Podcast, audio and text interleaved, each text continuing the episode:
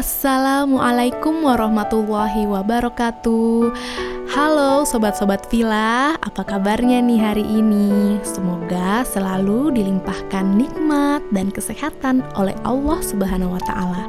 Amin. Kembali lagi nih bersama gue Dela di podcast episode 3. Kali ini gue akan membahas mengenai krisis identitas. Krisis identitas bisa? Mau tahu lebih lanjut? Stay tune terus.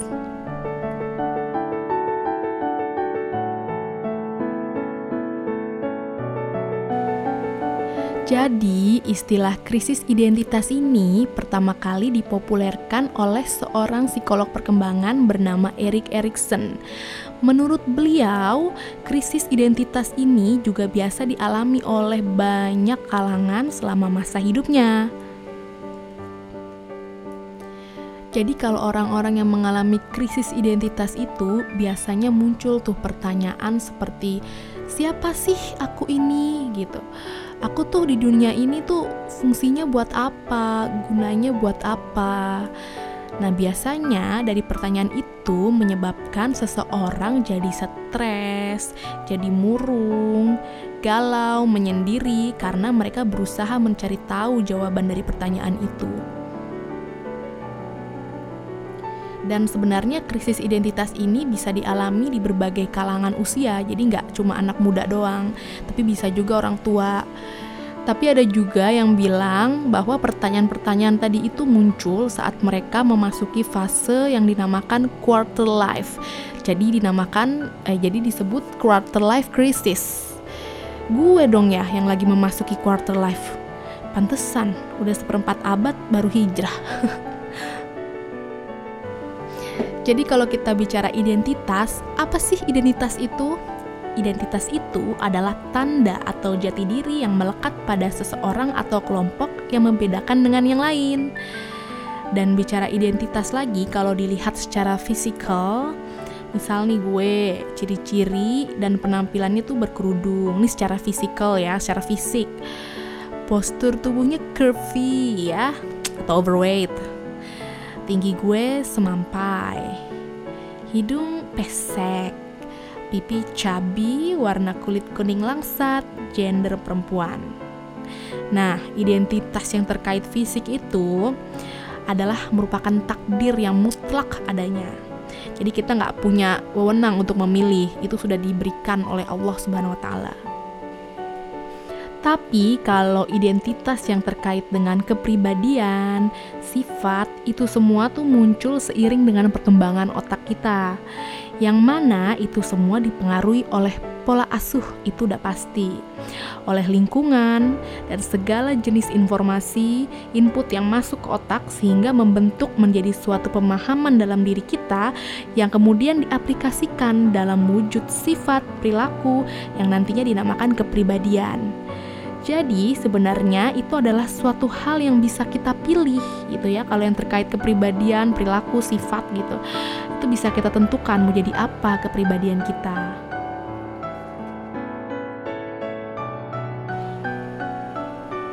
Sebenarnya bagus jika sudah muncul tuh pertanyaan-pertanyaan kayak aku nih siapa? berasal dari mana, gunanya apa. Berarti kan cara pikir kita itu udah mulai keluar dari zona nyaman gitu. Jadi udah out of the box gitu kan. Dan biasanya pertanyaan ini tuh muncul pada orang-orang yang sejak awal belum punya prinsip hidup yang jelas, visi hidup yang jelas. Dan biasanya selama ini tuh hidupnya ikutin arus aja, sehingga berujunglah pada munculnya pertanyaan-pertanyaan ini.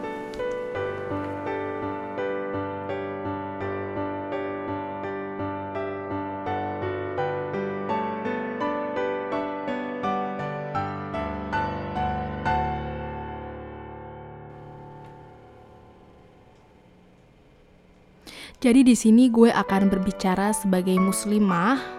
Jadi kita ini yang sebenarnya udah terlahir sebagai seorang muslim, sebagai seseorang yang memeluk agama Islam, yang mungkin pastinya di awal kita mengira bahwa agama yang dianut ini karena keturunan. Tapi nggak apa-apa, syukuri aja dulu karena Anda sudah berada di agama yang benar.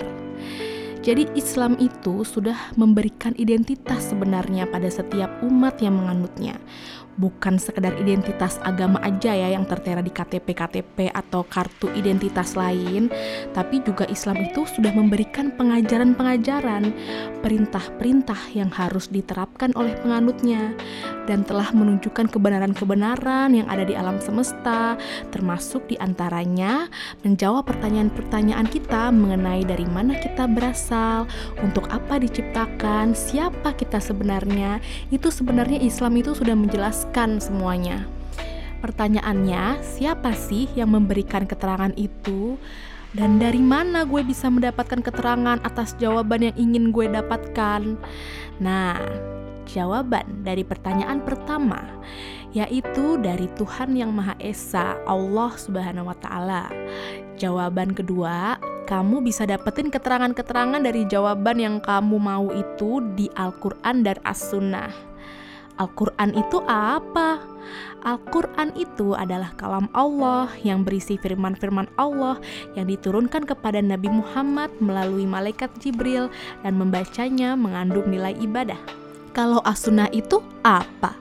As-sunnah atau hadis yang kita sering dengar saat ini nih adalah sesuatu yang bersumber dari Nabi Muhammad Sallallahu Alaihi Wasallam dalam bentuk ucapan, perbuatan, penetapan, sifat tubuh serta akhlak yang menjadi persyariatan atau hukum bagi umat Islam. Udah deh, itu jawabannya. Selesai. Tapi pertanyaan dari gue adalah, sudahkah Anda menyadari itu semua? Sudahkah Anda menyadari Al-Quran dan As-Sunnah adalah manual guide hidup kita sebagai makhluk ciptaan? Layaknya barang elektronik yang punya panduan cara pemakaian dari si penciptanya. Apa jangan-jangan ada yang masih nggak percaya sama Tuhan? Terus lo pikir adanya lo, bokap nyokap lo, gunung, laut, hewan, tanaman, langit, alam semesta itu siapa yang bikin? Ada sendiri gitu. Kok wujudnya bisa sempurna banget kalau bisa muncul sendiri? Smartphone aja bisa smart gitu pasti ada yang bikin Dan yang bikin pastinya lebih smart dari yang dibikin, ya nggak sih? Oke, itu yang harus kau imani dulu wahai saudara-saudaraku. Gue ngerti lo semua yang lagi bingung sama kehidupan lo itu karena lo belum deket aja sama yang nyiptain lo. Lo belum tahu hidup lo itu mau dibawa ke mana, ya kan? Dan semua itu lo alami karena selama ini yang lo baca dari kecil itu adalah komik Doraemon, Conan, Naruto, Harry Potter, dan yang jadi tontonan lo itu dari kecil itu kayak film Barbie, Disney lah kayak gue banget ya kan. Terus kayak film Avenger ya kan.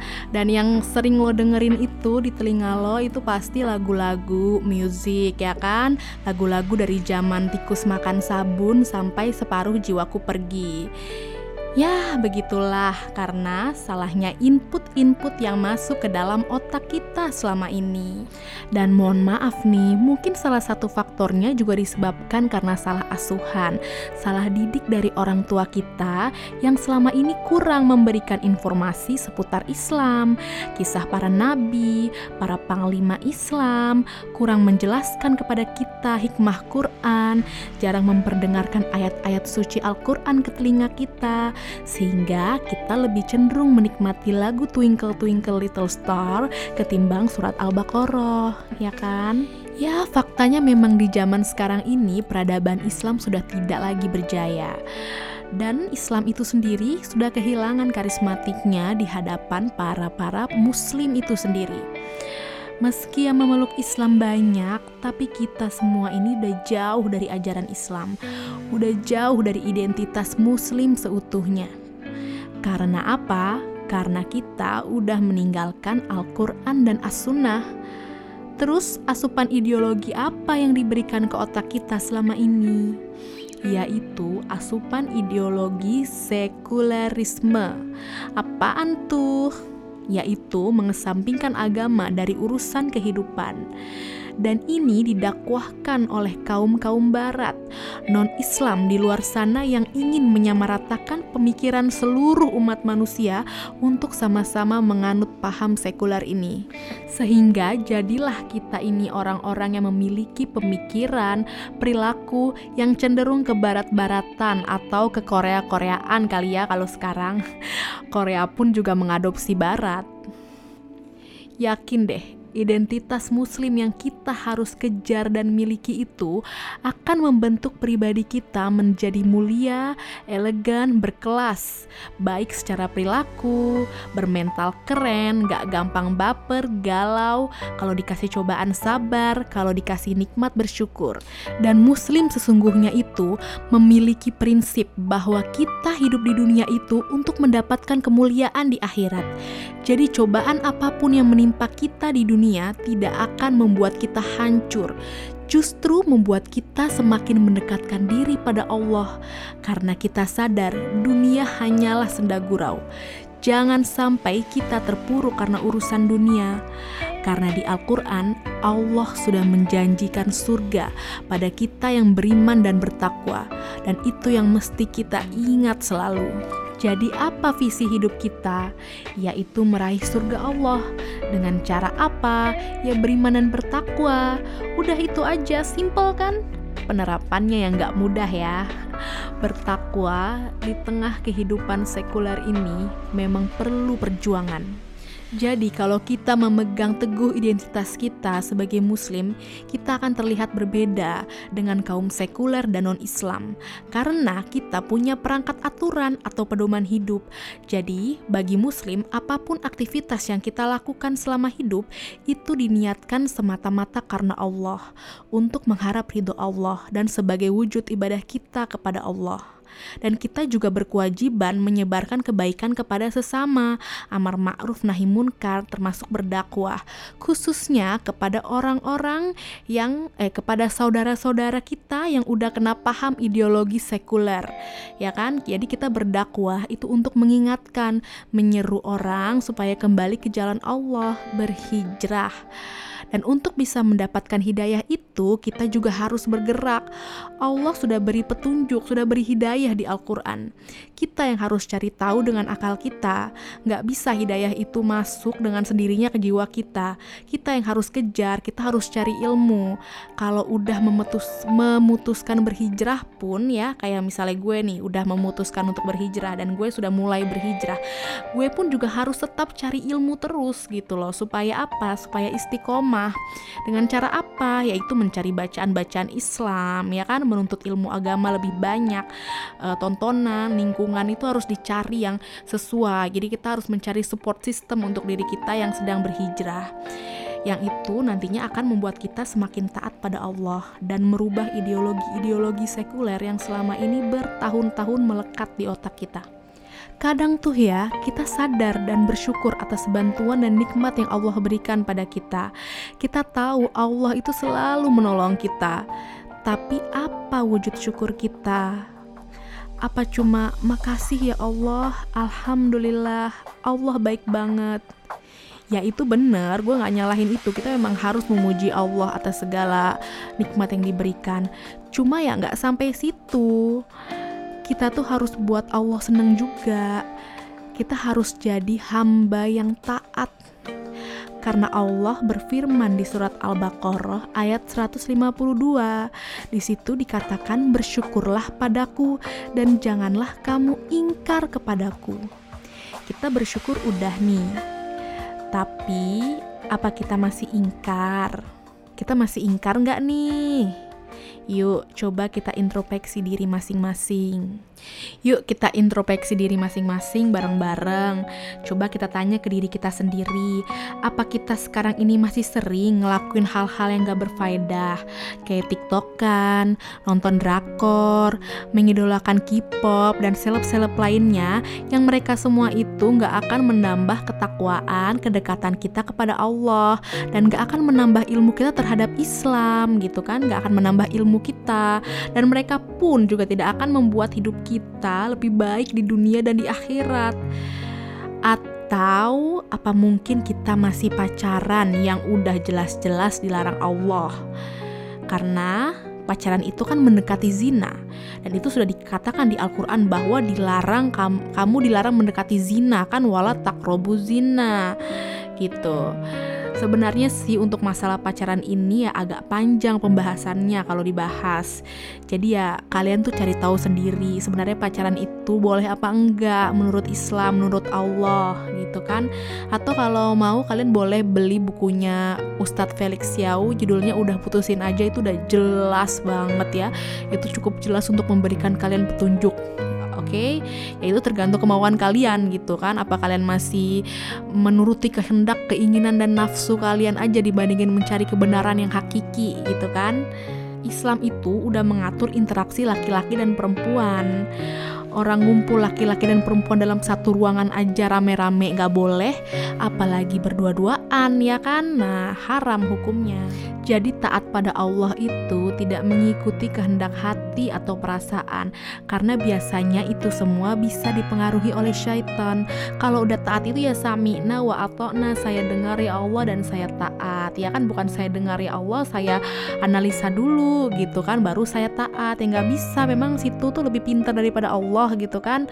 Yang nggak ada namanya benda yang diciptakan itu lebih pintar daripada penciptanya. Jadi ngegas gue. Mohon maaf ya ya Allah.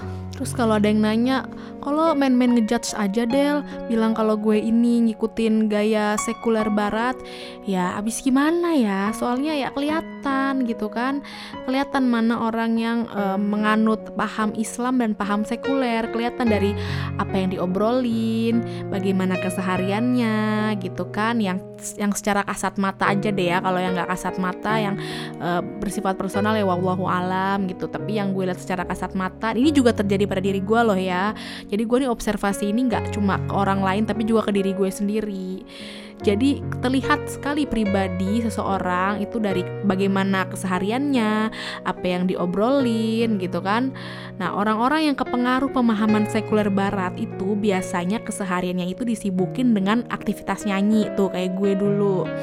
Dengerin musik berjam-jam, bilangnya sebagai mood booster ya kan.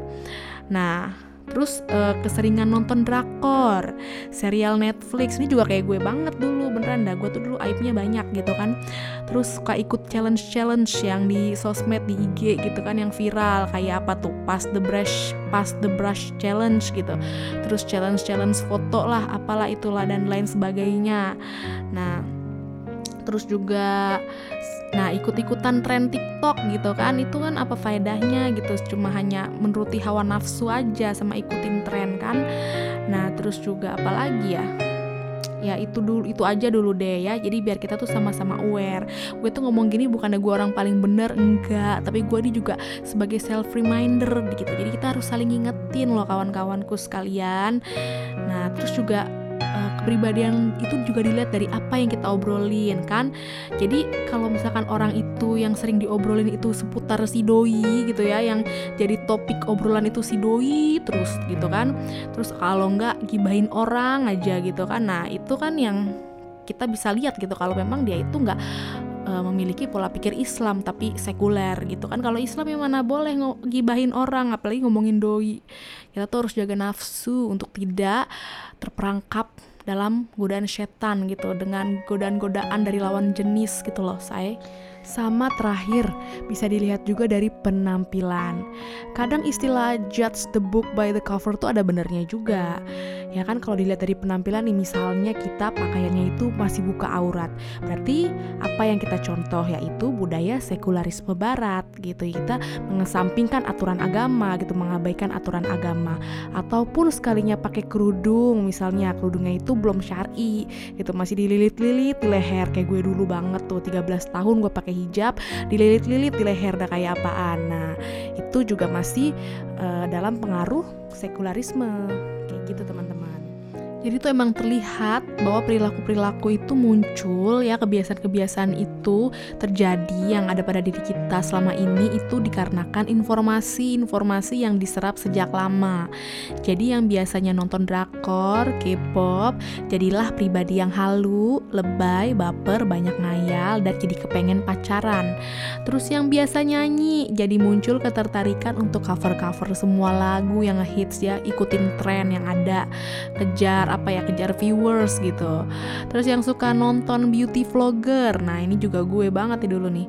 Jadilah diri kita ini menjadi makeup enthusiast ya kan? Beli makeup banyak-banyak lipstick, lip cream 20 gitu eyeshadow palette sampai 5 terus uh, apalagi tuh foundation 3 shade-nya beda-beda. Terus apalagi tuh ada krim kontur kontur dalam kontur luar blush on ya krim powder semuanya dibeli ya Allah nih gue ngomongin diri gue sendiri ya by the way. Terus yang doyan kepoin seleb muncullah sifat mengeluh. Kenapa hidup gue nggak sebahagia dia gitu?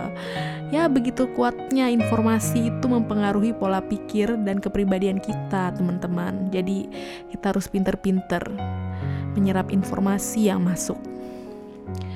Nah padahal ya kalau kita menganut ideologi Islam yang berasal dari ajaran agamanya itu sendiri, yang hakikatnya adalah ideologi yang benar, karena berasal langsung dari Sang Pencipta kita, Pencipta alam semesta, maka kita nantinya akan memiliki identitas terbaik yang pernah ada. Jadi, identitas Islam itulah yang harus kita miliki, teman-temanku sekalian. Jadi nggak ada lagi tuh masalah krisis identitas kalau memang kita dari kecil asupan informasi yang diberikan itu nggak salah, nggak sekuler gitu maksudnya. Oke teman-teman, jadi Islam itu memberikan pedoman untuk hidup kita. Jika kita mengesang, mengesampingkan Islam dalam kehidupan, itu artinya sama aja kita mengesampingkan atau kehilangan pedoman hidup kita. Mengaku punya Tuhan bukan sekedar mengaku dan menyadari Tuhan menyertai hidupku saja. Itu benar, tapi bukan berarti kita berpikir Tuhan itu ada, hidupku itu sudah Tuhan yang atur, maka aku jalani hidupku sesuai mauku. Ya nggak bisa begitu. Mengaku bertuhan berarti siap menghambakan diri pada Tuhan dalam bentuk apa? Ben dalam bentuk taat pada aturan Tuhan. Ingat tuh, taat ya. Jadi Islam itu bukan agama ritual yang cuma sekadar sholat, puasa, ya, lebaran, haji, zakat, tapi Islam itu adalah lifestyle, gitu ya. Dia itu akan membentuk pola pikir dan perilaku jadi nggak cuma hanya ngikutin tradisi aja gitu bukan tradisi turun temurun bukan. Jadi kita harus tahu semuanya itu dari sumbernya yaitu Al-Quran dan As-Sunnah Terus tujuan hidup muslim itu adalah meraih ridho Allah. Dengan cara apa? Ya taati syariat-syariat Islam. Karena tiap muslim yang memegang keislaman pada dirinya tahu betul bahwa dunia hanyalah tempat bersinggah sementara. Dan hidup kita di dunia itu adalah melakukan amalan-amalan sebagai bentuk ibadah dan wujud penghambaan diri pada Allah. Yang nantinya bisa memulangkan kita ke surga, tempat terbaik yang dijanjikan Allah bagi orang-orang yang beriman dan bertakwa. Ini gue apa ulas lagi ya. Tadi kan gue udah sempat paparin sedikit gitu. Dan umat muslim itu senantiasa berada di jalan yang lurus, yaitu jalan yang sudah dituntun Allah, sudah ditetapkan Allah, diajarkan oleh Rasulullah Wasallam. Makanya bagi yang udah salah jalan, gak sesuai tujuannya nih untuk mencapai surganya Allah, ayo kita pindah. Masih ada waktu kok Selagi kita itu masih diberi nafas dan kesehatan, jangan ditunda-tunda teman-teman. Kita kan nggak tahu hidup sampai kapan.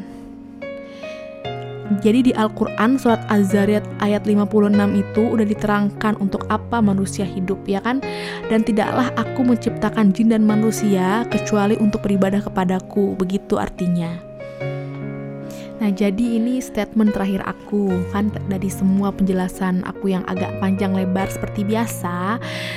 Jika di antara kalian masih pada kekeh dengan jati diri yang kalian anut masing-masing, yang pastinya di luar jati diri Islam, aka jati diri sekuler, maka ya gue bisa berbuat apa? Gue kan sudah berusaha mengingatkan sebagai saudara sesama muslim gitu. Mungkin memang sudah terlalu kuat gitu ya pemahaman ideologi sekuler di otak teman-teman sekalian ya kalau memang masih belum belum bisa tergugah gitu hatinya. Ya terserah, hidup itu kan pilihan.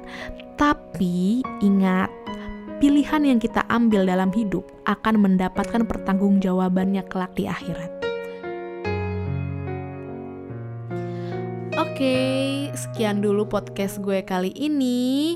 Sampai ketemu di podcast-podcast berikutnya. Terima kasih untuk teman-teman yang udah setia dengerin sampai akhir. Jangan bosen-bosen ya, semoga bermanfaat dan bisa membantu kalian untuk meraih hidayah. Oke, okay, um, wabillahi taufiq wal hidayah. Wassalamualaikum warahmatullahi wabarakatuh. Bye.